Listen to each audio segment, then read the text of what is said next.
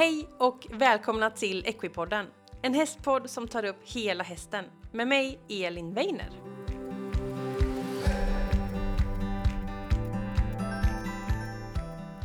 Då var det onsdag igen och jag vill hälsa just dig välkommen till ett nytt avsnitt av Equipodden.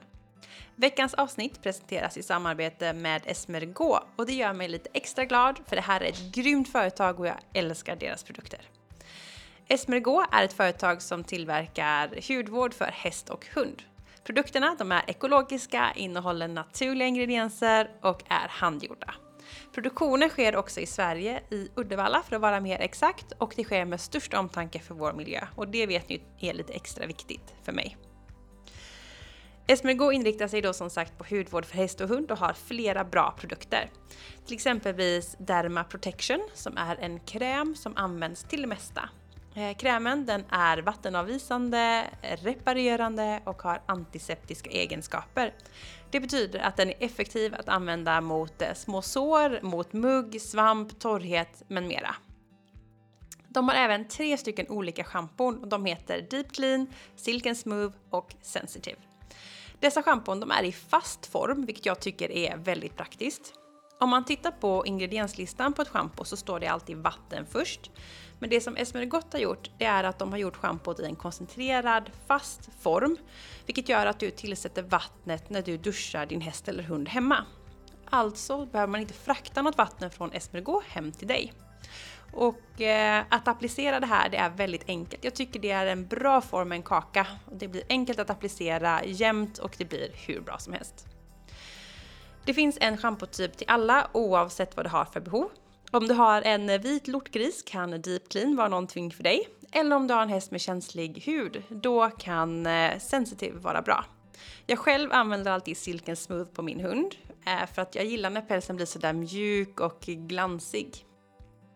Esmegos nyaste produkt är Hoof Protection som är framtagen för att skydda och reparera hoven. En toppenprodukt om du har problem med hovarna. Det finns också andra grymma tillbehör såsom ursnygga grimskaft, hundkoppel, en tygpåse och en midjeväska som är jättebra att ha godis i om du tränar från marken med antingen häst eller hund. Så om du är på jakt efter hudvård till din häst eller din hund eller kanske lite till dig själv som är ekologiska och bara använder naturliga ingredienser, då är Esmergård något för dig. Vill du veta mer så kan jag tipsa om att kika in på deras hemsida esmergott.se för att beställa hem dina produkter. Jag har en liten sak till innan vi drar igång veckans avsnitt och det är att i samband med att det här avsnittet släpps så finns det också en tävling inne på Equipoddens sociala medier. Så missa inte att kolla in Equipodden och Esmergo på sociala medier och var med i tävlingen för att få chans att vinna spännande produkter från fantastiska Esmergo. Men nu till veckans avsnitt och veckans gäst heter Linda-Marie Lundqvist och Linda hon är psykolog och driver också Ryttarkraften där hon eh, specialiserar sig på det mentala kopplat till ryttare och ryttarutveckling och eh, det här är ett jättehärligt kul avsnitt med det mentala som är någonting som jag tycker är väldigt kul. Vi pratar om hur man ska arbeta mentalt som ryttare, varför man ska arbeta mentalt som ryttare. Vi pratar om olika metoder, hur man kan arbeta. Vi pratar en bra stund också om ridrädsla och så vidare. Ett eh, sjukt bra avsnitt så nu kastar vi oss in i det mentala med Linda-Marie Lundqvist från Ryttarkraften.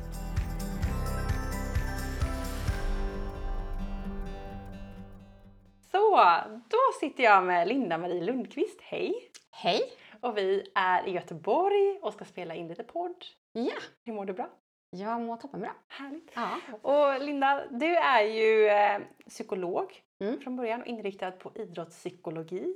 Ja. Och eh, idag så driver du bland annat det som heter Ryttarkraften Ja. och jobbar med ryttare och mental utveckling och alla de bitarna. Och det Mm. ska vi prata om idag. Ja. Mm. Men du kommer från Karlstad egentligen, eller hur? Du, jag kommer från Dalarna. Just det, så Ja. var det. Men eh, nu bor jag utan, på Mm. Hammarö utanför Karlstad Mm. sedan ganska många år tillbaka. Mm, just det. Mm. Så har du åkt till Göteborg och har lite eh, weekend och så träffar du mig. Ja. Ja. så vi ska göra podd.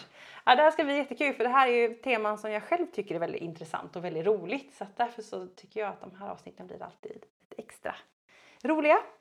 Men eh, jag tänker Linda att du kan väl få börja med att berätta lite om vem du är och din resa till där du är idag. Ja. Ja men eh, som sagt jag är legitimerad psykolog. Eh, men min, eh, ska säga, när, jag, när jag började jobba en gång i tiden eh, så började jag faktiskt i, i hästvärlden. Mm. Eh, började som stalltjej liksom, i ett Mm. stall i Vallentuna.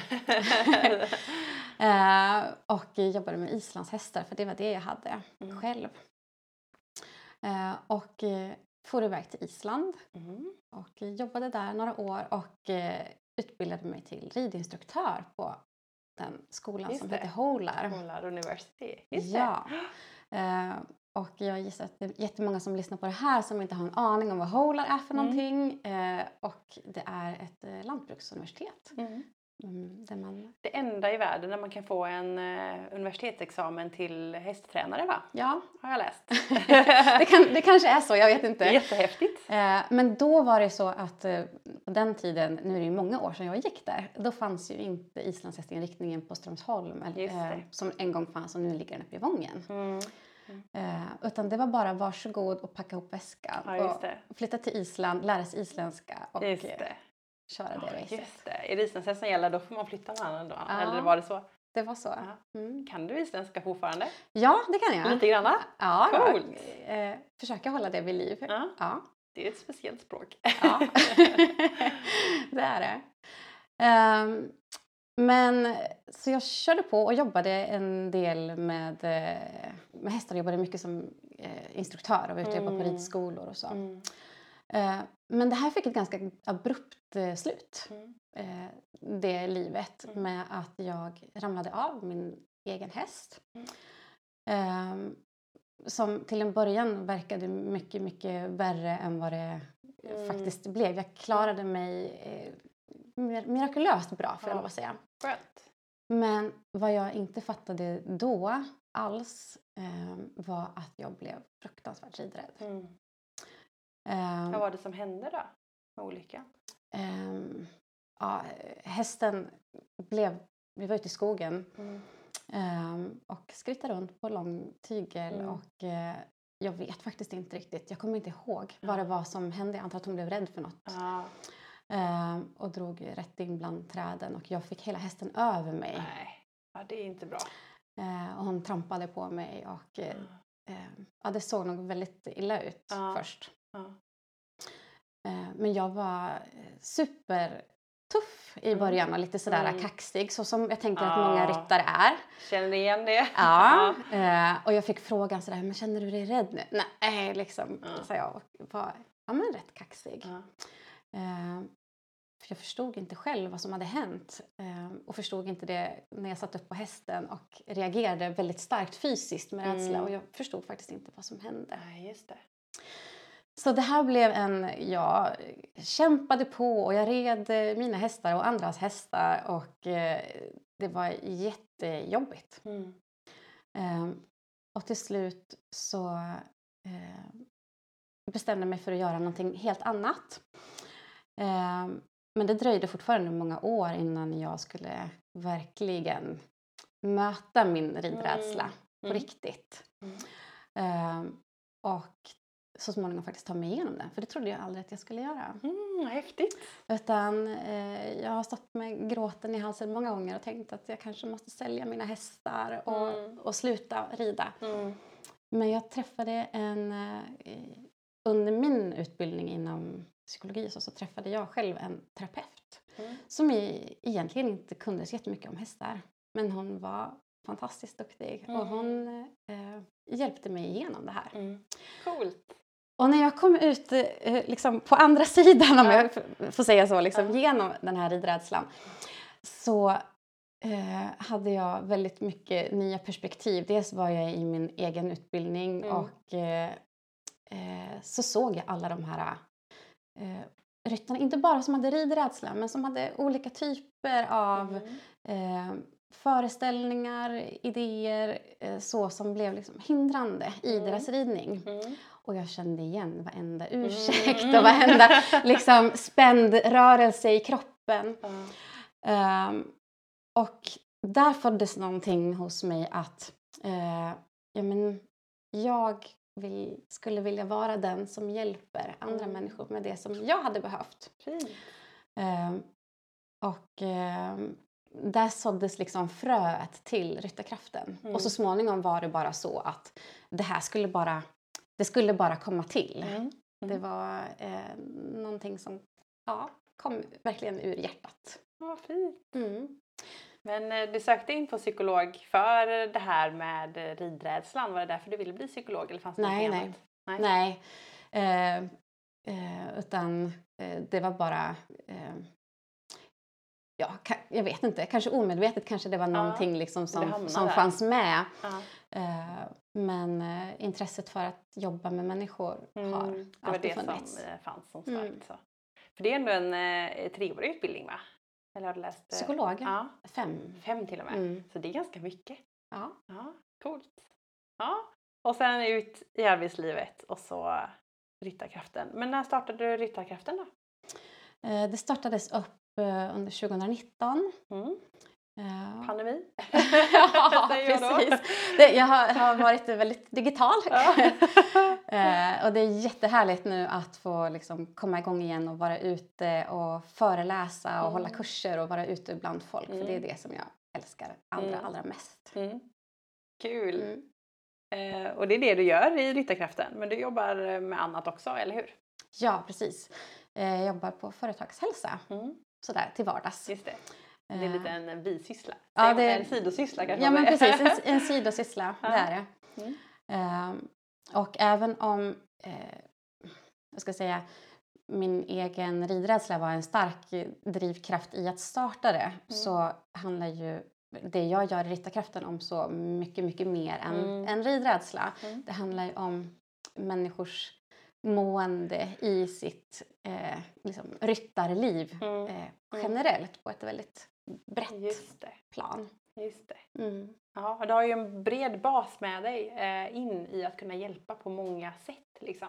Mm. I, eh, I allt med hästlivet då kan jag tänka mig. Liksom. Mm. Och jag, jag jobbar inte alls eh, som instruktör längre men det är naturligtvis, jag tänker hela den, de åren i, liksom, i Mm. hästvärlden och eh, eh, det blir ju naturligtvis en, en väldigt tillgång att ha med sig Mm. när jag möter ryttare Verkligen. utifrån den här rollen nu som, som psykolog istället. Ja. Ja, men det tror jag är en jättebred bas för det är ju om man är instruktör eller tränare då har man ju liksom ett förhållningssätt och man vet lite liksom så här vad, vad ryttaren kan vara svårt med och Mm. liksom man har de ögonen också eller förstår hur hästvärlden är uppbyggd för det är, Ja. inte, det är inte helt självklart att man förstår vad tränaren har för roll till exempel Nej. om man inte kommer från hästsporten. Mm. Eh, Och sen såklart eh, psykologiutbildningen är ju väldigt omfattande så att man får många verktyg eh, där Mm. att jobba med. Så det, ja, det ska bli väldigt kul att dyka in i det här Ja. mentala Mm. idag. Mm. Men hur skulle du säga att arbetar idag med när det kommer ryttare? Liksom? Ja, men ryttare kontaktar mig utifrån eh, många olika frågeställningar. Mm. Eh, det kan vara så att någon kontaktar och vill ha hjälp med någonting som man upplever som ja, men ett, ett hinder eller rent av liksom ett problem. Mm.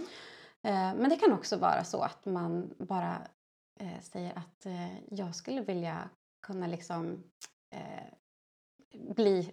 Hur, hur bra kan jag bli? Ja, hur kan jag utveckla min förmåga att prestera Mm. ännu mer? Mm. Ehm, och det är människor i alla möjliga åldrar och på eh, olika nivåer. Ja. Kul! Det, är, det är en väldig blandning, Mm. verkligen. Mhm. Mm. Och eh, vad ser du för fördelar med att arbeta mentalt som ryttare? Behöver man göra det? Jag skulle ju naturligtvis vilja hävda att jag tycker att alla... alla men i, i någon mån. Mm. Eh, Sen tänker jag att det kan se väldigt olika ut beroende på vart man är någonstans och vad man har för behov. Men jag tänker att eh, ridsporten har ju eh, varit lite sena på bollen tycker jag. Mm. Vad gäller den det. mentala aspekten Jaha. i utförandet av sin ut, idrott. Eh, om man jämför och tittar liksom på andra idrotter där man har en, en lång tradition av att Mm. arbeta Just mentalt. det. Ja. Eh, men jag ser också att det skett en, en väldig utveckling bara under de här åren sedan jag startade Ryttarkraften och det Mm. är ju fantastiskt roligt. Det finns, Jag upplever liksom att intresset bara växer och växer. Mm, jag håller med. Det är, det är många som pratar om det. Ja.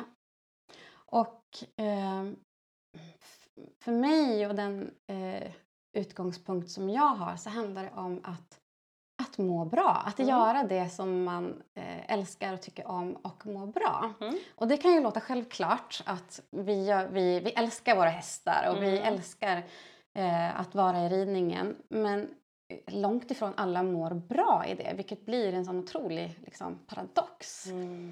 Eh, för det här är en, en livsstil för många. Mm, verkligen. En del av ens identitet. Ja.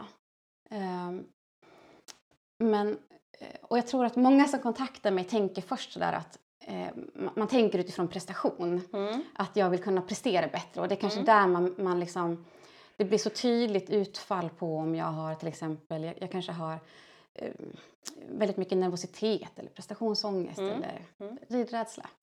Ehm, och så märker man eh, att ja, men jag kan inte prestera så bra som jag skulle vilja och så blir det det som till slut liksom får en att eh, Mm. ta det där steget, att ta Mm. hjälp. Just. Ehm, men eh, det som man, vad ska jag säga, får på köpet, eller Mm. som jag tänker är det absolut viktigaste, är att man också man, man får jobba med sig själv, Mm. sin egen utveckling. Ehm, och eh, att få må bra. Hitta liksom sin inre motivation, öka sin ridglädje, sin Mm. motivation. Ehm, och sen blir det, som jag ser det istället, istället en, liksom, en, en bieffekt av det blir att jag också presterar bättre. Just det. För det är så mycket annat runt om liksom, Ja. som också spelar roll. Ja. För det är ju rätt många timmar i stallet ja. varje dag, det. varje vecka. Mm. Så att, eh, ja, det, det är viktiga grejer. Men ehm, vi ska ta oss in lite i det här. Mm. Och ehm, när vi tittar på hur man arbetar med det här så eh, brukar du ta upp två metoder har jag förstått. Och då arbetar du utifrån det som heter KBT och det som heter ACT, eller hur? Kan inte du berätta vad det här är för någonting? De här två förkortningarna. ja. Ehm, jo men eh, eh, KBT och ACT som man säger är eh, de metoder som jag kanske främst eh, använder. Även om det finns inslag av annat också. Men eh, kognitiv beteendeterapi, eh, Mm. KBT. Det känner man kanske igen. Ja, jag tänker att det är många i alla fall som har eh, hört talas om det och Mm. kanske på något sätt kommit i kontakt med det på olika Mm. sätt. Eh, det handlar ju i grund och botten om att göra föränd- beteendeförändringar Mm. på olika sätt Mm. för att vi ska eh, känna och må bättre. Mm.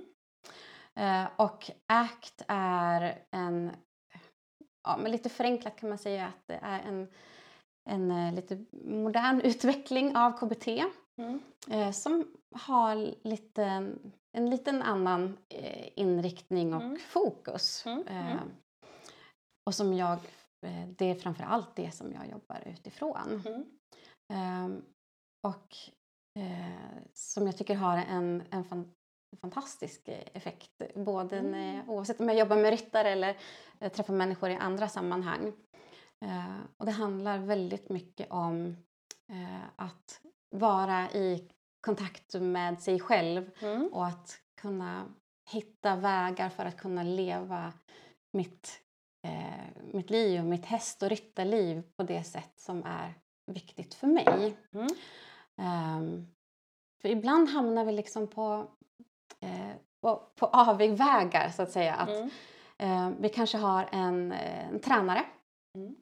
Som eh, ser eh, mig och min häst och tycker att eh, ja, men, eh, du har sån potential och du, skulle, du har en häst som skulle kunna göra det här. Ah. Och, eh, och i, liksom, i all välmening kanske driver oss eh, framåt i någonting som inte riktigt är jag. Mm. Mm. Mm. Eh, och plötsligt en, en dag så står jag där och det, det skaver någonstans. Ja. Att eh, det här var inte riktigt det jag hade tänkt. Mhm. Eller jag kanske har stallkompisar som eh, eh, drar mig in i någonting.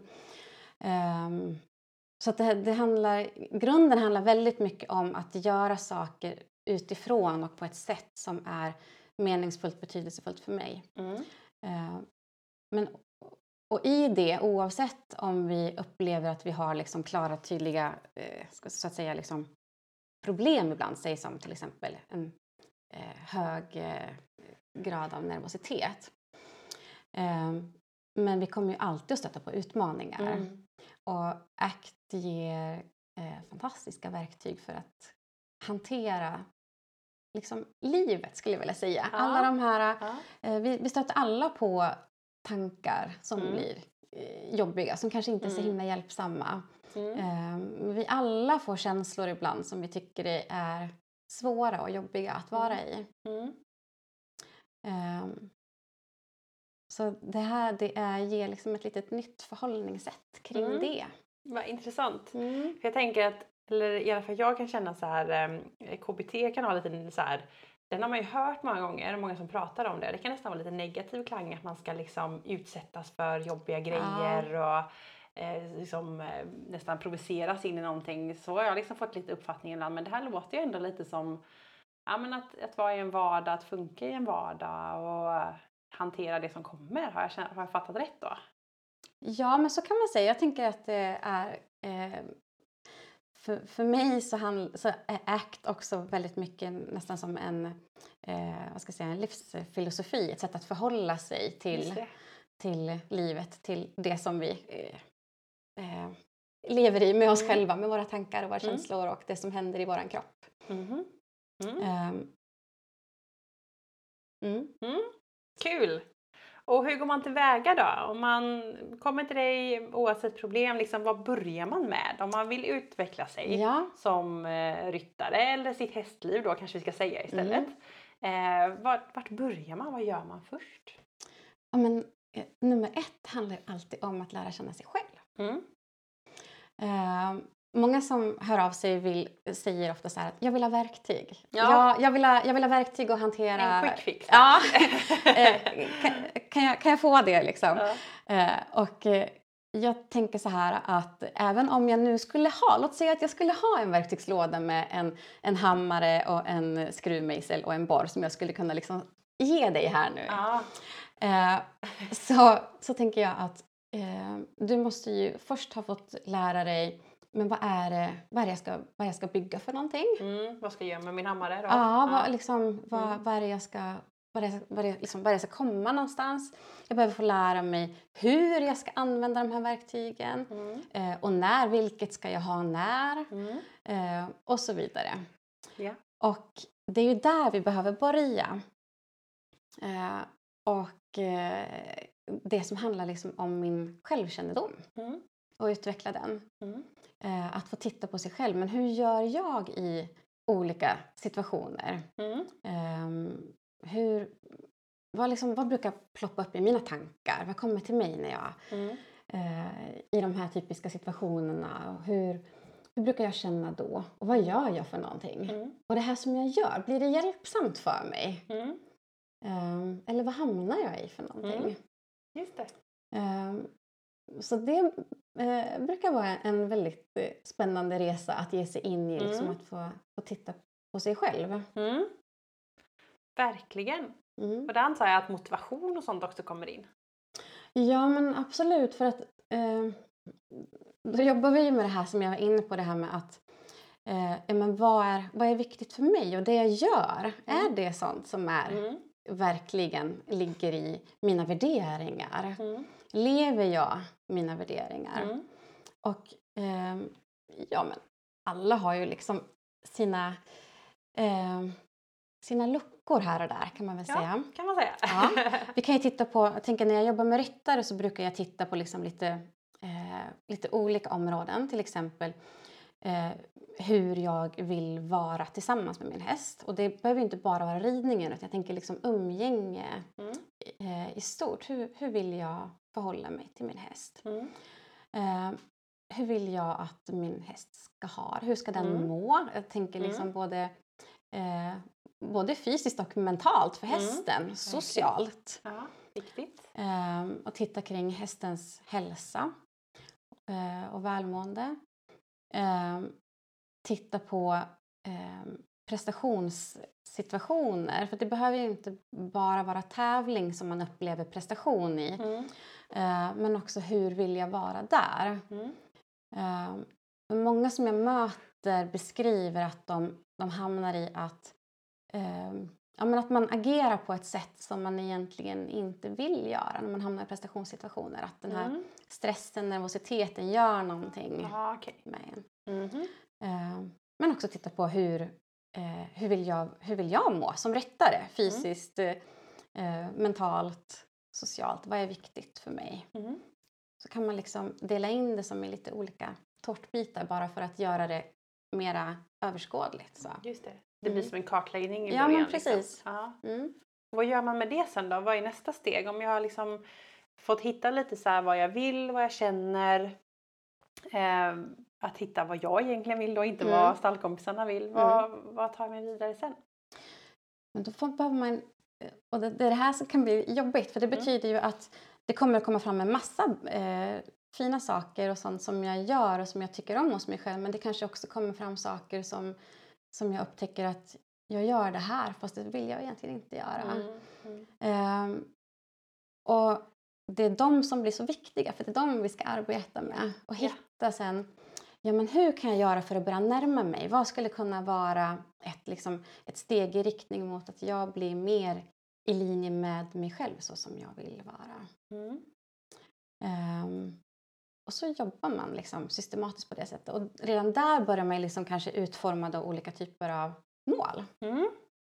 Ehm, som ju blir en helt, kan, kan bli en helt annan typ av mål än när vi pratar liksom resultatmål. Ja, precis, liksom, precis. hur jag tänker att jag vill prestera på en tävling, vilka poäng jag vill ha eller Mm. placering. Eller, mm. Eller att jag vill kvala in till någonting. Ja, precis. Vilken, och så delmål för att kunna så här, Ja.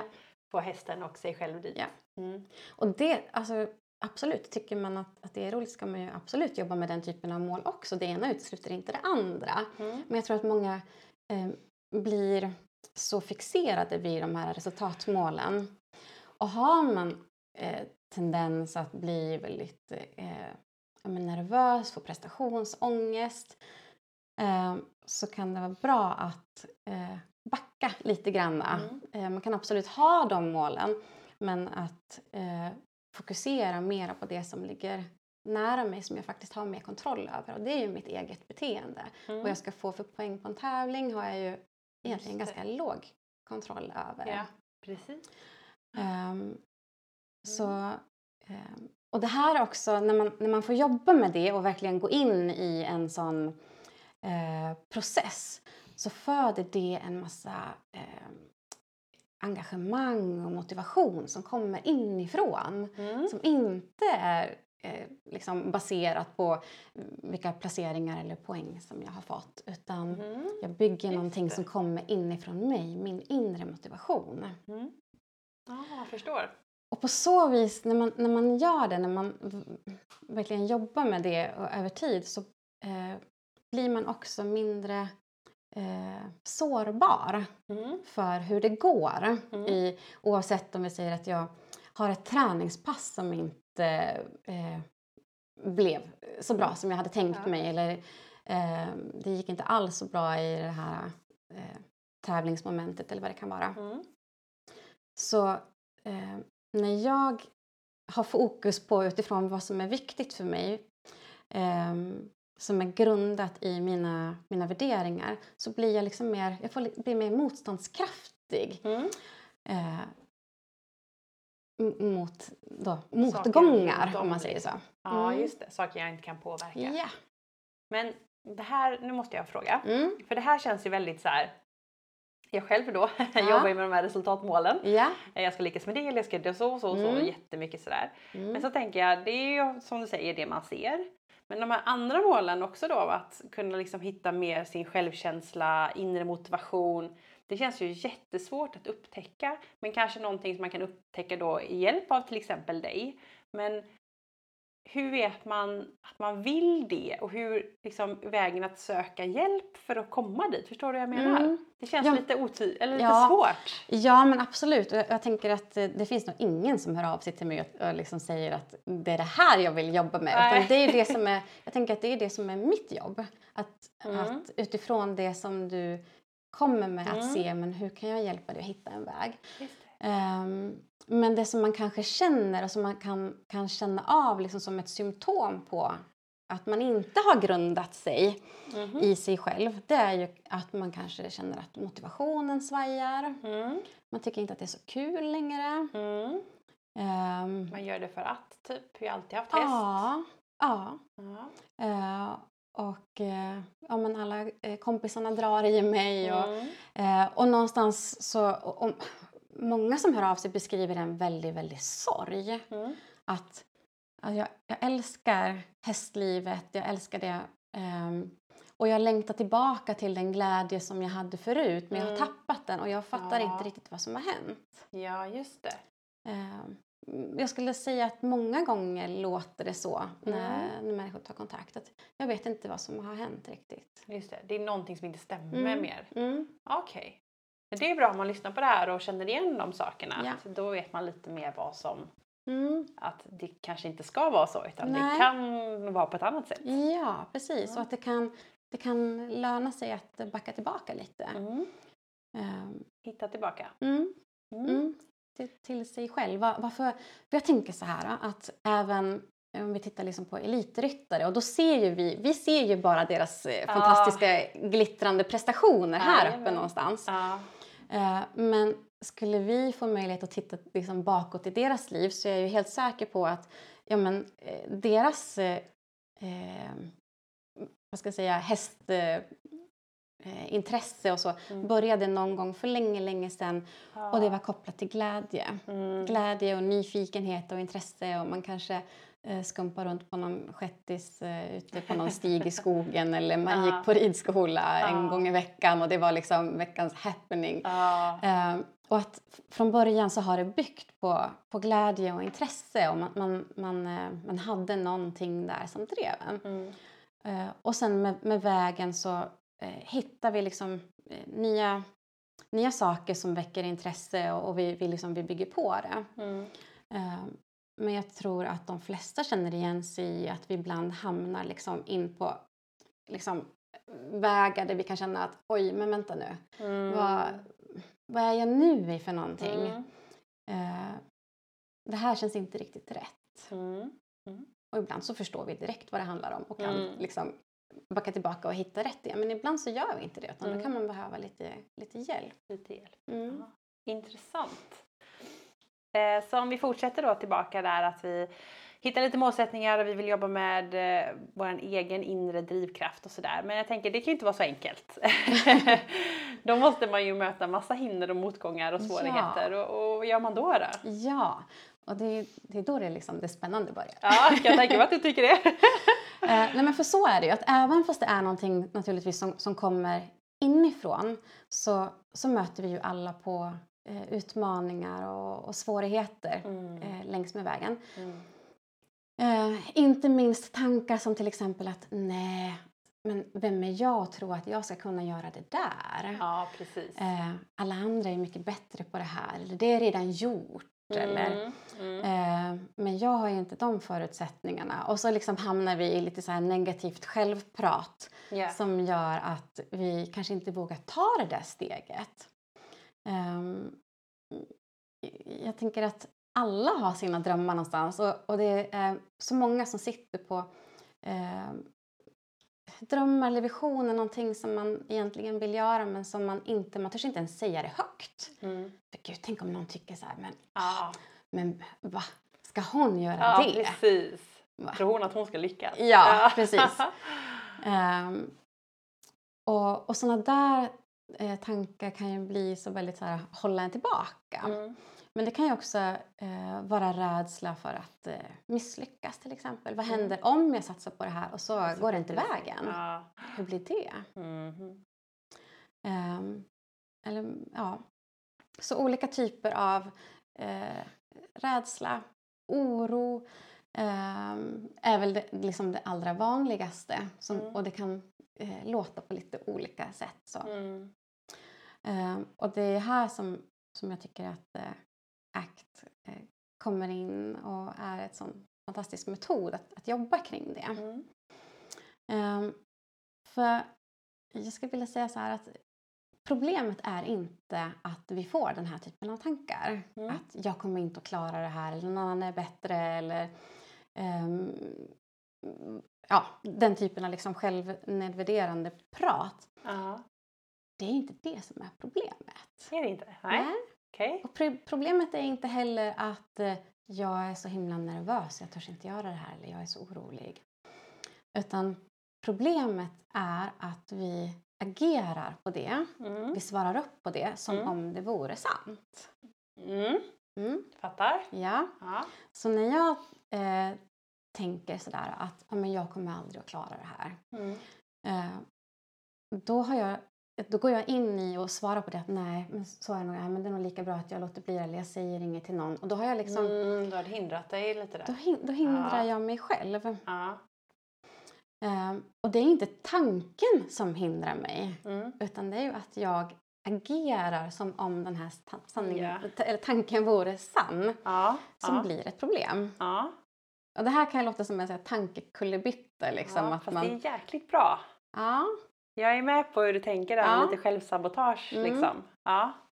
ehm, och jag tänker att vi, vi väldigt ofta hamnar i det. Eller till exempel, ehm, låt säga att man är väldigt nervös inför någonting. Mm. Och så tänker jag så här att, ah, ah, den här jäkla nervositeten. åh, Mm. Varför skulle den komma just nu? Ja.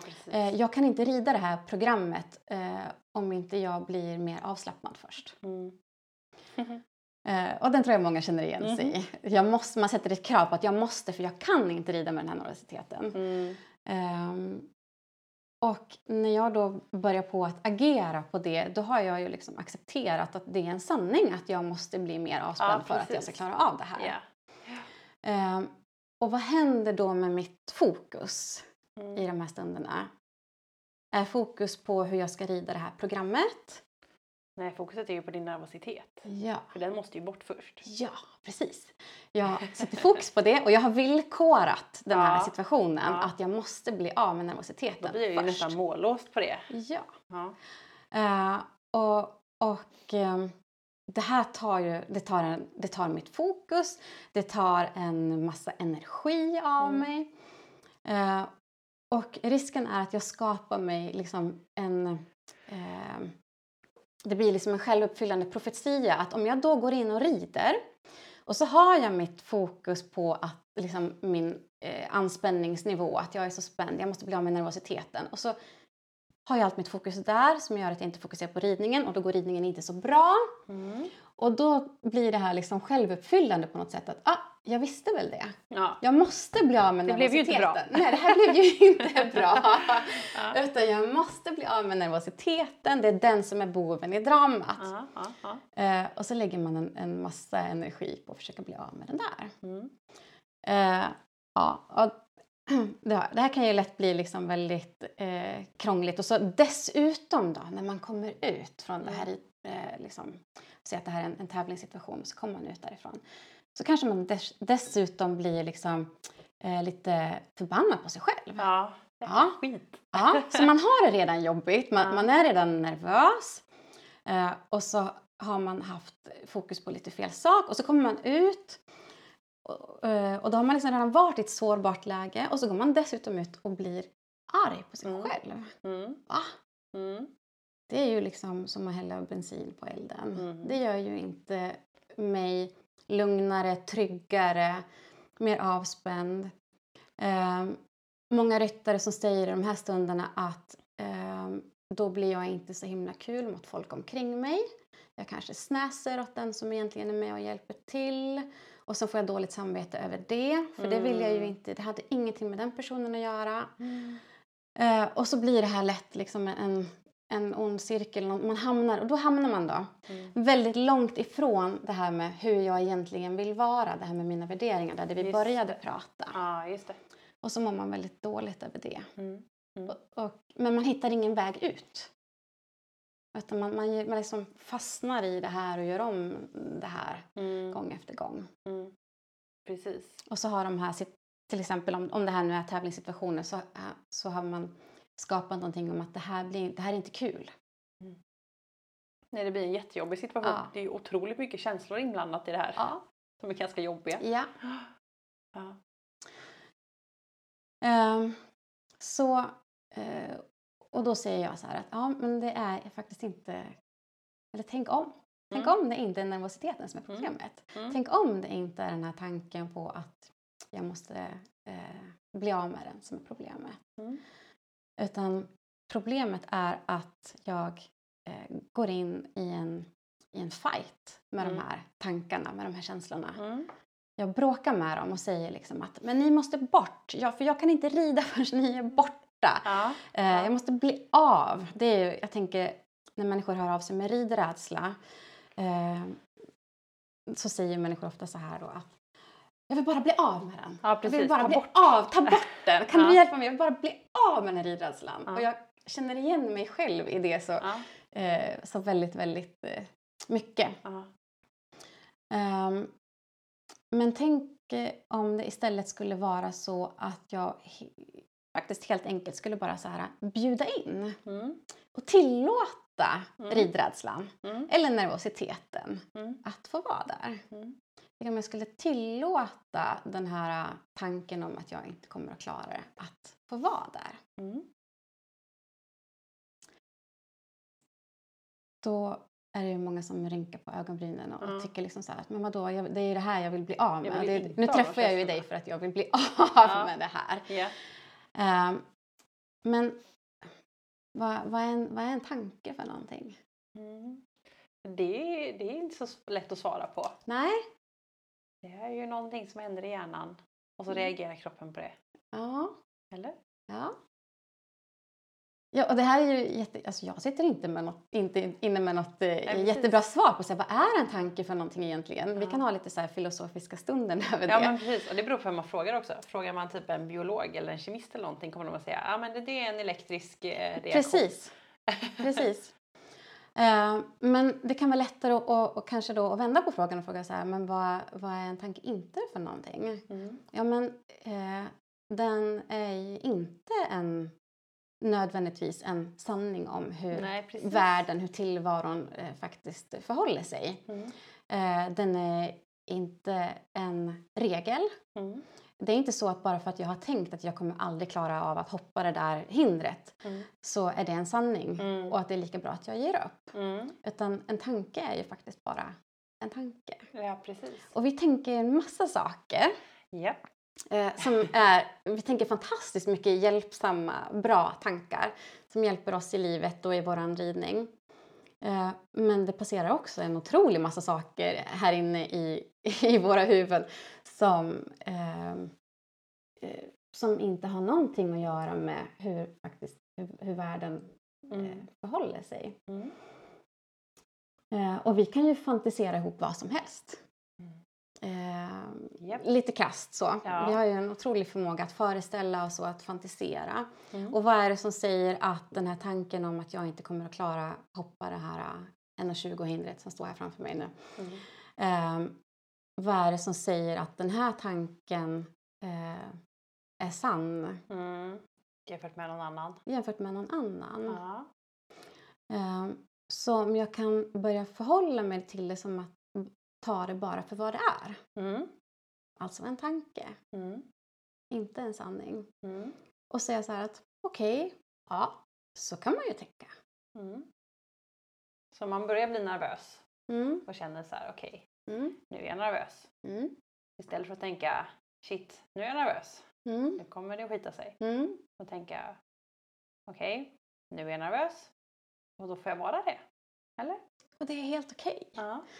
Ehm, och det kan ju betyda att i början, när man, när man börjar träna på det sättet, speciellt med känslor och så, så kan man uppleva att känslan blir lite intensivare precis i början. Mm. Jaha, men om jag ska tillåta liksom den Ja. här nervositeten att finnas, ja men gud, då känner jag ju den i hela kroppen. ja, det blir det ju jättemycket. Ja. Eh, och det är helt okej, det är helt Mm. i sin ordning. Mm. Eh, men känn efter, vart sitter den här nervositeten någonstans? Sitter den i magen? Hur känns den? Är den pirrig? Är den fladdrig? Mm. Eller är den varm? Är den kall? Hur känns den här? Mm. Eh, och verkligen tillåt dig att stanna kvar i det. eh, I den här känslan. Mm.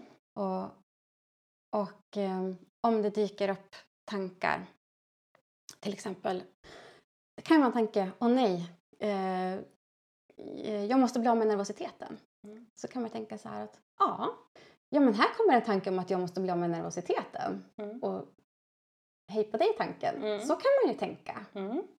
Mm. Och när vi gör det, när vi säger så, eh, så skapar vi liksom lite distans till den här tanken. Mm. Eh, den blir inte lika, liksom, lika nära och som att den talar direkt till en utan jag kan mera observera den. Mm. Precis som att jag kan observera min nervositet i magen där. Mm. Ehm, och som gör att vi blir liksom inte riktigt lika eh, påverkade av det. Mm. Ehm, och vad gäller känslor när, vi, när man jobbar med det så när vi, när vi tillåter dem att finnas där så händer det någonting men nästan lite magiskt efter en stund. Mm. Därför att när, när liksom nervositeten knackar på, hallå Mm. Linda, här är jag. Mm. Eh, och jag eh, säger så här, aha okej det, det, det är nervositeten, varsågod kliv in, jag öppnar Ja. dörren. eh, då kommer den att säga så här, ja men du vet det här är en viktig situation för dig, säger nervositeten. Mm. Eh, och jag är här nu för att du ska vara lite extra på alerten. Mm. Mm. Mm. Ehm, och nu när, när du släpper in mig och tillåter att jag är här och får hålla dig lite extra på alerten, då kan jag slappna av lite mer, säger nervositeten. Mm. Och då ger den sig. Mm. Just det, det Mm. behöver inte bli så mycket. Nej, Mm. för det som händer, det omvända, det vi oftast gör, det är att eh, nervositeten knackar på. Hallå Linda, nu är det en viktig situation här, nu ska du in och hoppa det här 120 hindret. Eh, och jag säger så här, nej men du, du får inte komma in. Nej. Du får stanna utanför dörren. Mm. Eller till och med, jag låtsas som att du inte är där. Nej, jag hörde inte det. Jag hör inte dig. Jag bara eh, pratar lite mer här med min kompis nu eller sätter på jättehög musik i lurarna och då kommer den här nervositeten och bara Hallå, men jag är faktiskt här. Vi ska göra någonting viktigt nu. Mm. Eh, och så försöker jag bara distrahera mig eller ignorera den där. Mm. Eh, och då kommer den att ligga kvar. Mm. Högre och högre. Och den kommer mer bli och högre och högre och mer och mer och den kommer, den kommer inte att ge sig förrän du lyssnar. Mm. Och det, och det som händer är att då kommer jag behöva springa fram och tillbaka till den här dörren hela tiden där det knackar. Och säga så, här. Nej, du får inte vara här. Och så ska Ja. jag liksom tillbaka till och fokusera på min häst. Men det knackar ju här borta hela tiden. Och så, liksom, så tar det min, min energi och mitt fokus och min koncentration som jag egentligen behöver lägga på hästen. Så att bjuda in den, öppna dörren och säga så här, okej, tjenare, varsågod, kliv på, du får vara med här. Mm. Ehm, det betyder ju inte att jag älskar nervositet eller att jag önskar att den vore där, men det behöver jag inte göra. Mm. Men jag säger så här att okej, du får åka med. Och eh, när jag hade, eh, när jag jobbade med, med min egen ridrädsla så var till och med min, eh, i mitt huvud så blev min ridrädsla en liten figur. Mhm. Mm. Eh, och eh, då kunde det vara så att eh, när jag var ute och red så eh, kunde jag liksom känna sådär att okej, men nu kommer den här lilla filuren. Mm. Eh, och då brukar jag säga det högt till min häst att okej, men nu är ridrädslan med här och den får hoppa upp, den får åka, den får sitta här i mitt knä. Mm. Och så får den åka med. Mm. Eh, och så tillät jag mig att liksom känna efter i kroppen. Ja, men hur, hur känns det här? Och så sa jag till hästen att men nu, nu är den med och den, den får åka med. Mm. Och det som händer när man gör det, det är att efter, efter ett tag så har den här liksom hoppat av någonstans Just det. på någon sten. Ja. Eh, och vill inte åka med längre. Nej. Eller behövde inte åka med. Mm. Ehm. Och eh, det här handlar ju om att, att, att hitta ett helt nytt, som, som jag tänker, förhållningssätt som ofta går emot totalt vad vi människor, vad vi normalt är liksom programmerade för Precis, att göra. Vi precis. vill hålla det ifrån oss. Ja. Det som vi inte vill ha, det vill vi göra oss av med. Ja.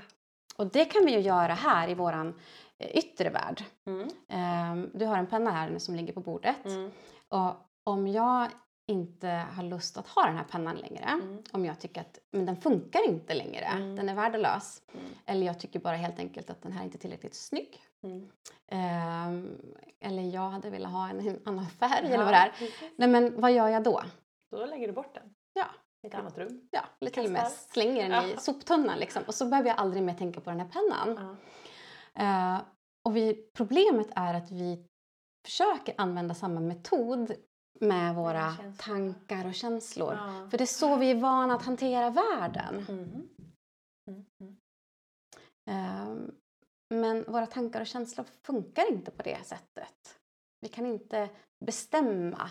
Eh, Likaväl som att nu när vi sitter här vid bordet så kan eh, jag inte bara ehm, bestämma till exempel att, ehm, att jag ska bli arg eller att jag ska bli rädd för dig. Mm. Ehm, så kan jag heller inte bestämma att jag ska bli av med rädslan Nej, rent precis. viljemässigt. Ja. Utan jag behöver hitta andra vägar. Mm. Och ofta när jag träffar ryttare så har, ju, eh, har de ju kämpat febrilt. Och man har varit i det, jag tänker du var inne lite grann på dina tankar kring vad KBT är för någonting. Mm. Och det som eh, jag tror att många har med sig att det är någonting att men man ska liksom Mm. pusha sig själv och man ska utmana sig själv. Och Mm. man har liksom fått lite grann om, om bakfoten vad exponeringar och exponeringar är liksom den här den, ska jag säga, den verksamma ingrediensen i KBT som vi är Ja. ute efter. Ja. Men eh, KBT handlar... Eh, det är en missuppfattning att vi ska utsätta oss för situationer som vi tycker är obehagliga för att vi ska ta oss igenom det. Mm. Ehm, om jag är ridrädd till exempel så är det inte själva... Det är inte... Låt säga om- om det är själva ridningen som jag nu är rädd för då. Mm. Så är det inte ridningen i sig som jag ska eh, exponera mig för, alltså utsätta mig för. Mm. Utan det är känslan. Mm. Det är rädslan som uppstår i ridningen. Det är Mm. den som jag... Den man ska jobba med. Det är den jag, Ja. eh, även i en liksom klassisk exponerings... Eh, eh, så är det känslan. Och ridningen är bara ett sätt att locka fram känslan. Mm. Förstår. Mm. Så på det viset kan man säga att, ehm, att bjuda in känslor och jobba liksom på det här från ett, ett annat håll är ju också en typ av exponering, men på ett, ett annat sätt. Mm. Mm. Intressant. Svårt att göra själv. Ja, men det är svårt att göra själv och det kan eh, jag eh, naturligtvis, nu blir det här liksom väldigt eh, förenklade liksom. Ja. Generaliserande. Men, men, ja, men, ehm, men att ta hjälp av någon, för det Mm. finns verkligen Mm. eh, vägar att jobba med det här. Mm. Eh, och eh, som kan bli otroligt hjälpsamt.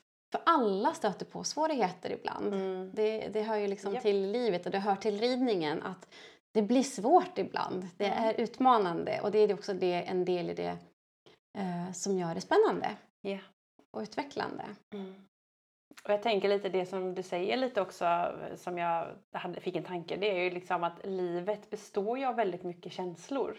Mm. Och vi ska ju ha alla känslor. ja, Att aldrig någonsin bli rädd eller att aldrig någonsin bli nervös det hade nog inte varit så himla roligt liv ändå. nej. Och det blir ju en väldigt tankefälla. Ja. Ehm, Man ska ha ju något nollläge hela tiden.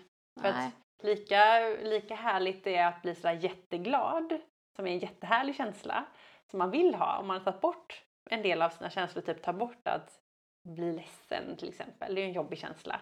Man tar bort det, då kan man ju aldrig bli sådär jätteglad om man inte har varit i motsatsen, eller hur? Mm. Eller det, så tänkte jag när du Mm. pratade just om Mm. det. Och att lära sig hantera de känslorna känns ju faktiskt väldigt viktigt. Ja. Att vara i dem. Och absolut, och det ehm, är ju inte så ovanligt att, att ehm, ryttare har liksom stängt ner sitt känsloliv för att hantera sin prestationsångest till exempel. Att man, man, man stänger ner så mycket och då får man heller inte tillgång till glädjen, precis som du säger. Tråkigt. Det blir, jätte, ja, det blir tråkigt. Ja. Så det blir, kostnaden liksom för det blir väldigt, väldigt stor. Mm. Eh, och här står jag med min älskade häst men jag känner inte den där glädjen. Vad är det som har hänt? Ja, Mm. precis. Så, eh, och det är det jag menar med att jag tänker att, att jobba mentalt eh, kan vara eh, hjälpsamt och gynnsamt oavsett liksom vart man är någonstans, men på olika sätt. Mhm. Man behöver ju inte ha en, eh, någon form av liksom problematik för att ta den hjälpen utan bara för att må lite bättre, kunna Mm. hantera, hantera motgångar. Mm. Det, De, de kommer. De kommer. Alltid. Ja. Mm. ja, vad intressant. Mm. Och, och jag tänker liksom, vad, vad gör man ut ur det här? Om man nu då kommer till dig och man gör den här kartläggningen och så hamnar man här och pratar och, får testa och vad är de här känslorna och lära sig hantera dem. Vad blir liksom eh, slutmålet eller liksom endgame av det? Eh, ja, men slutmålet är ju som sagt var att, att få må bra, att Mm. hitta ridglädjen, att hitta motivationen och glädjen och eh, att faktiskt kunna göra saker, göra det som man längtar efter. Mm. Eh, om det nu är kopplat till någon prestation eller vad det är för någonting, men att få göra det som, som jag längtar efter, det som jag brinner för tillsammans med min häst. Mm. Eh, för någon kanske det är att eh, eh, ja, men att starta den här klassen i 1,20 hoppning. För någon annan är det att kunna rida barbacka ut i skogen. Liksom. Att det kan ju se väldigt olika ut men att, att, att kunna få göra det som är viktigt för mig, det som jag längtar efter. Mm. Och in, eh, att inte hamna i det här att jag bromsas av att jag har eh, jobbiga tankar eller känslor som liksom gör att jag eh, håller tillbaka mig själv. Mm. Mm. Jag förstår. Mm. Ja, gud vad spännande. Mm. Eh, jag tänker att vi har ju pratat en bra stund nu eh, och vi fick också väldigt mycket lyssnarfrågor till det här avsnittet. Ja, så jag tänkte bara att. Eh, vi ska liksom grunda oss i allt jag har sagt här som är jätteintressant, verkligen kul tycker jag. Ja. Och försöka liksom applicera det lite grann. För vi har ju touchat lite på ridrädsla Mm. och eh, det känns som någonting som ändå är vanligare än vad man tror, eller? Ja. Ja, jag skulle säga att det är jätte, jättevanligt. För hästarna är en sån otrolig identitet. Alltså Mm. är man hästperson eller så, då, då är man det. Mm. Eh, och om det händer någonting längs vägen då kan det ju det är verkligen ens identitet som ifrågasätts liksom. Ja. Ehm, och eh, för, en, för en del eh, som hamnar i ridelse så, så, är, så kommer det av att man har varit med om någonting som Mm. har varit väldigt otäckt. Just det, typ Man- en olycka. Typ en olycka. Mm. Man kanske rent av, eh, det kanske rent av blir eh, väldigt traumatiskt. Ehm, och, och som man definitivt kan behöva ta hjälp för att, Mm. att komma igenom. Mm. Ehm, och för en del så kan det vara, det kan vara att man har sett någonting väldigt otäckt hända. Just det. eh, att, eh, och att man därför blir rädd. Mm. Ehm, det kan också vara så att den där ridrädslan liksom smyger sig på lite långsamt. Mm. Det är inte alls så att man har varit med om någon stor omtumlande liksom, Mm. läskig händelse som är något trauma utan att det har liksom smugit sig på. Ja. Eh, det kanske börjar med att man tycker någonting känns lite, eh, lite läskigt sådär och så börjar man undvika ja, det. precis. Jag rider inte där för den där jävla brevlådan typ. Ja. Mm. Och så börjar man, eh, man hamnar i olika undvikande beteenden. Mm. Och det som händer när vi hamnar i undvikanden det är att vi skickar liksom en signal till vårt hjärnkontor Mm. som säger så här att eh, Ja men vad bra att du skickade ut lite rädsla som talade om att jag skulle vara på min vakt för att det var ju verkligen farligt. Jag behövde Mm. akta mig för det. Mhm. Mm. Eh, och då säger jag så här, ja bra, eh, då ska jag se till att varna nästa gång vi kommer i närheten av de här brevlådorna också. Yeah. Eh, och så börjar det på det sättet. Eh, och då kommer hjärnan liksom börja larma lite mer och mer och jag undviker mer och mer och så har jag börjat skapa någonting liksom. Mm. Eh, så så kan, liksom, kan rädsla börja smyga sig Just på. det. Och det mer och mer och mer Mm. liksom. Mm. Ja. Men ehm, vi, vi stannar lite vid ridrädslan. eh, Mm. för det är som sagt antagligen vanligare än vad man tror. Att många kanske har det utan att veta om det. Och det känns också som att, som du säger, att man vill bli av med det. Ehm, Men kan du inte berätta lite om hur man kan arbeta det? Och jag tänker också, jag har en lyssnarfråga till exempel som handlar om eh, ridrädsla på ridskola. För jag tänker har man Mm. sin egen häst då är det ju kanske ett sätt att jobba. Men är man på ridskola där det är en väldigt annan situation. Vi är många som rider eh, Ja. i ridhuset samtidigt. eh, Man rider på olika hästar hela tiden. Mm. Kan vi inte börja lite i liksom så här, hur kan man jobba lite generellt och hur kan man göra när man har en egen häst eller en Mm. ridskola? Mm. Eh, mycket av det grunden är densamma oavsett om du rider på ridskola eller om du har en, en egen häst. Om vi eh, går tillbaka till det här med just förhållningssättet till Mm. eh, tankar och känslor. Mm. Eh, och jag tänker att en, en viktig, som jag ser som en, en, en viktig nyckel att komma till när man jobbar med ridrädsla är att inte vara rädd för rädslan längre. Mm. Rädslan i sig, att rädslan inte är farlig utan eh, förstå vad rädsla är. Att i grund och botten så är det ju någonting gott som är där för Mm. att skydda dig. Just det. Som har fått mig att överleva i Ja. några miljoner år. Ja. Alltså vilken tur att vi har rädsla, annars skulle vi inte sitta här du och jag Yes. just nu. Eh, Så rädslan ska vi vara väldigt rädda om. Mm. Ehm, Och eh, att, att landa i det och förstå det att det handlar inte om att jag ska göra mig av med rädsla till varje pris. Mm. Ehm, Och en annan sån nyckelfaktor är att, ehm, att hitta empati och medkänsla för sig själv när man blir rädd. Mm. Eh, precis som med nervositet eh, eller andra typer av motgångar så, så eh, tenderar ryttare att bli väldigt hårda mot sig själva Mm. och slå ner på sig själva och blir irriterade och rent Ja. av liksom arg på att Ja. jag blir rädd och nu kommer den här... Klarar rid- inte det här. Ja, varför klarar jag inte det här? Mm. Ehm, och att hitta ett, ett, eh, ett vänligt sätt eh, gentemot sig själv. Därför att när vi lägger på, om vi redan har rädsla som är en... Eh, eh, vi har liksom redan eh, dragit igång den processen i kroppen med, med mycket anspänning. Och så lägger vi på det här med eh, ilska eller irritation, frustration på det så sätter vi bara ännu mera spänning i kroppen och det blir inte hjälpsamt. Mm. Utan här behöver vi liksom få bli våran, våran egen bästa vän Mm. som tar hand om oss Mm. eh, och istället hitta ett, ett vänligt... Vad skulle du säga till din bästa kompis? Mm. Om, den, om din bästa kompis stod nu och skulle hoppa upp på sin häst här inne inför den här ridlektionen på ridskolan. Vad skulle du säga till den? Mm. Skulle du säga så här, "Ja, men skärp till dig nu, det är Mm. bara att bita ihop Ja, gör och gör det här bara. Ja, nej, det hade Eh, sagt. Eller vad skulle du säga? Ja, men lite så här, men det kommer gå bra. Var Ja, lugn. Slappna av. Typ något sånt hade jag nog sagt. mm, det, det är okej, Mm. ta det lugnt, Mm. Ehm, be om hjälp. Mm. Och att, att börja med det, börja med sig själv. Mm. Uh, mitt eget förhållningssätt gentemot mig själv och sen mot mina känslor och mina tankar. Mm. Men sen är det som du säger, det finns ju lite andra förutsättningar när man är på ridskola. Mm. Eh, och jag tänker att det är jätteviktigt att faktiskt vara eh, ärlig med sin ridlärare om hur jag har det. Eh, och det betyder ju att jag också måste vara ärlig med mig själv. Mm. Erkänna. Ja, Ja. jag behöver kunna erkänna för mig själv. Och för många med ridrädsla så... ehm, många bär på det själva för att, eh, för att man skäms helt enkelt. Mm. Det finns ju någon liksom generell bild av ryttare, att ryttare ska vara så himla tuffa jämt. Ja.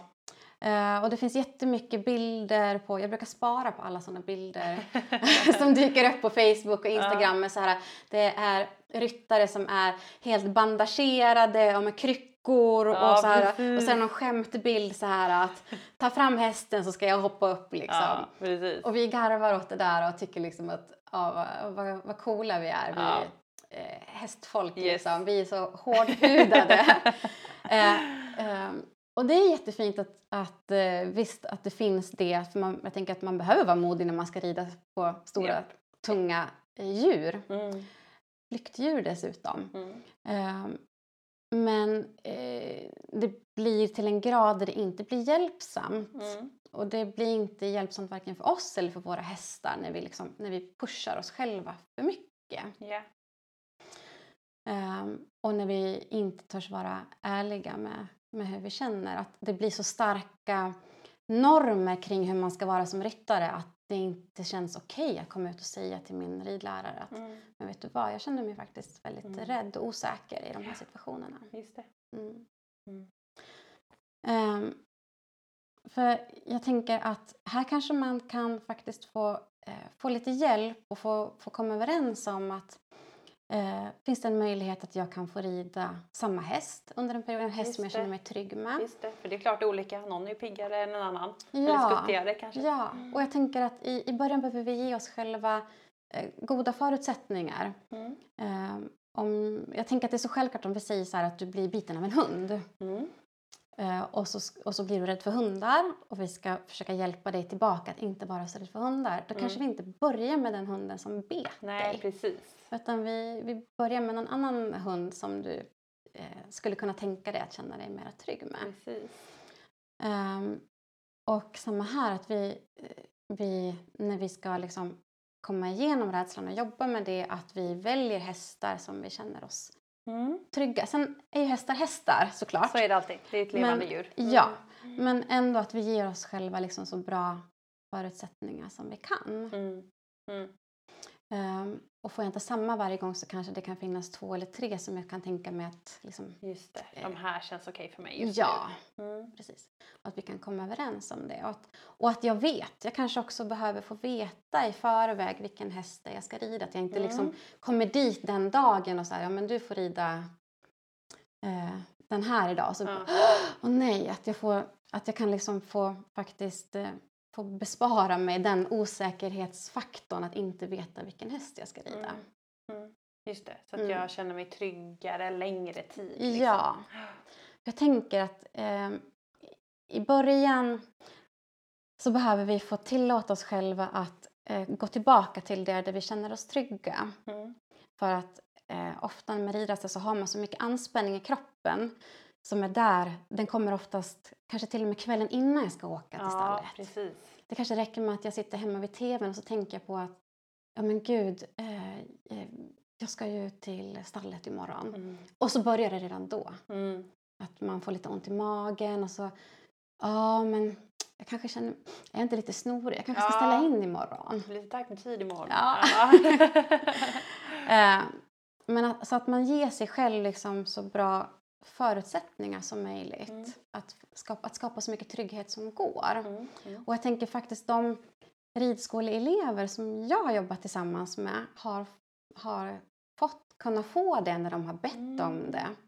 Jag tänker att man är ju alltså Folk, det är ju människor man pratar med Ja. och pratar man med sin ridlärare eller stallchef eller vad det nu kan Mm. vara, att man är ärlig med det så det känns som att det är ju ingen som, om jag kommer och säger hej jag är lite rädd för den här hästen, Mm. jag kan, eller jag har lite jobbigt nu så jag, kan jag få rida Mm. Brunte? Ja. Han är så snäll. Ja. Då tror jag inte någon kommer säga nej, nu ska du rida den värsta. Alltså Mm. sådär, Nej. det känns som att man bor, de flesta, och Men är de det så flesta får man väl vill byta ridskola. Ja men precis. Jag tänker att de flesta vill väl och vill hjälpa Ja. till. Verkligen. Ehm, och, ä- ännu bättre om du kanske till och med har någon, någon kompis i din ridskolegrupp som du också kan berätta för för Mm. att få eh, lite extra Just det. emotionellt stöd. Mm. Viktigt. Ja. Mm. Och jag tänker också att, ehm, att det är okej att säga att vissa saker kanske jag inte vill göra just nu. Mm. Men återigen, då behöver jag ju också vara ärlig med det. mig själv Ja, och ärlig med, med, med, eh, med ridläraren. Mm. Så att få, få, få hitta tillbaka till sin, eh, liksom, sin zon där man känner sig trygg och få utgå från det. För vi, vi behöver få hitta tillbaka till tryggheten Mm. så att vi därifrån sen kan börja liksom igen att vinna ny mark. Ja. Eh, men att ta, hit, först hitta tryggheten och sen liksom systematiskt börja liksom träna ett steg i taget på Mm. det som, som känns eh, mera liksom utmanande Just för det. rädslan. Just det. Och känna att man får vinna liksom någon, någon känsla av eh, liksom bemästrande och Mm. att jag, jag klarar det här, det går Just bra. Positivitet. Mm. Att man får Mm. fylla på med positiva erfarenheter och att jag, jag klarar det här, jag klarar att eh, hantera den här rädslan. Mm. Men, men samma sak här, att vi, vi kan inte vänta på att rädslan ska försvinna av sig själv. Nej, för det gör precis. den inte. Nej. Utan vi behöver ta den i hand och säga okej, du är här Mm. och nu gör vi det här. Mm. Men Mm. börja liksom i, i små, små steg. Just det. Ofta det ryttare gör när de här ridrädsla är att man tror att man ska kunna göra allt som vanligt. Ja, precis. Mm. Därför att det är ens identitet som Ja. du var inne på. Att, ja, men jag är ju van och jag kan eh, och eh, jag har så mycket erfarenhet och Ja. kunskap. Men rädsla handlar inte om erfarenhet och kunskap. Nej, precis. Den är ju någonting helt det annat. är någonting helt annat. Och du är inte mindre eh, kunnig eller proffsig eller duktig eh, för att du har ridrädsla. Mm. Det tror jag är viktigt. Mm. Och jag tänker just det där, hur många gånger har man inte hört det när man blir avkastad? När man hoppar upp direkt så blir du inte rädd. Mm.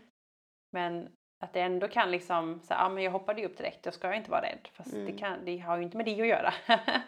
Det kan ändå komma liksom. Mm.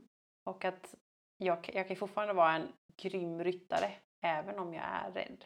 Absolut. Det är Absolut. viktigt att höra tror Det jag. är jätteviktigt. Mm.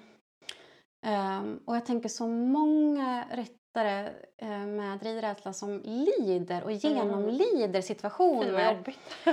Eh, eh, och jag tänker på en, en kvinna som jag träffade här för ett tag sedan som beskrev just det här när de skulle ut och rida tillsammans med sina eh, stallkompisar och som inte vet om att hon är ridrädd. Mm. Eh, och så kommer de här ställena när de liksom ska, ska galoppera och för henne är det här väldigt förknippat, eh, var väldigt förknippat med just eh, högt eh, tempo. Ja.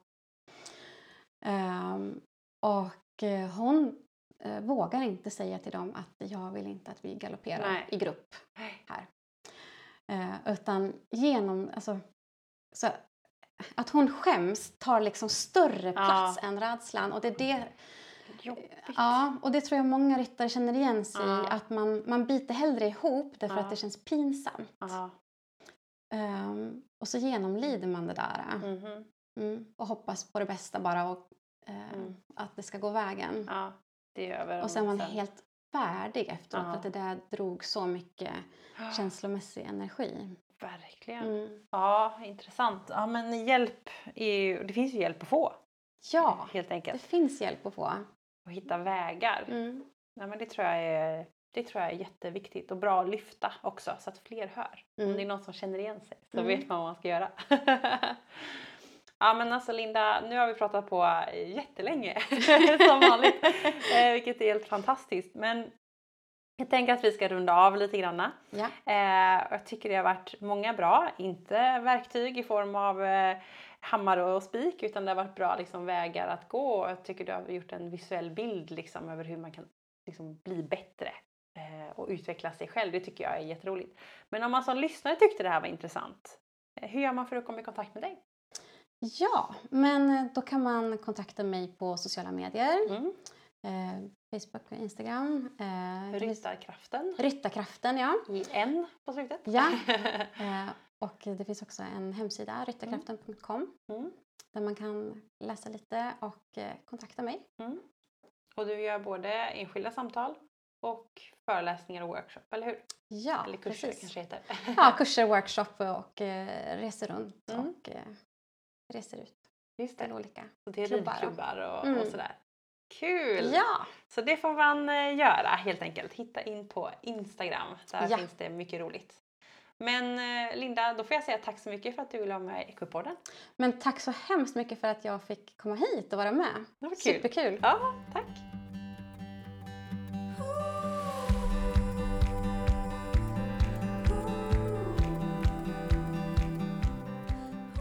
Stort, stort tack Linda för att du vill vara med i Equipodden. Och eh, till dig som har lyssnat det här nu, kika in på Ryttarkraftens hemsida och sociala medier för där finns det jättemycket mer att läsa om Linda och Lindas tänk kring det här. Det finns massa mer guldkorn att plocka på sig så kika in där. Och när du ändå är inne där så kolla också in Equipodden på sociala medier. För där finns ju också en tävling nu i samarbete då med Esmergo, så missa inte det. Det är så fina priser, så det vill man inte missa. Eh, kika in Equipodden, finns på Instagram och på Facebook. Nästa vecka är det verkligen ett eh, drömavsnitt för mig. Det är ett avsnitt som jag har önskat få till. Det är en gäst jag har verkligen velat ha med och äntligen har jag fått till det. Det är helt otroligt. Ehm, det är en av våra största hästinfluencer. Han är dressyrryttare men också hoppar lite granna. Jag ska inte avslöja riktigt än vem det är men nästa vecka vill man inte missa.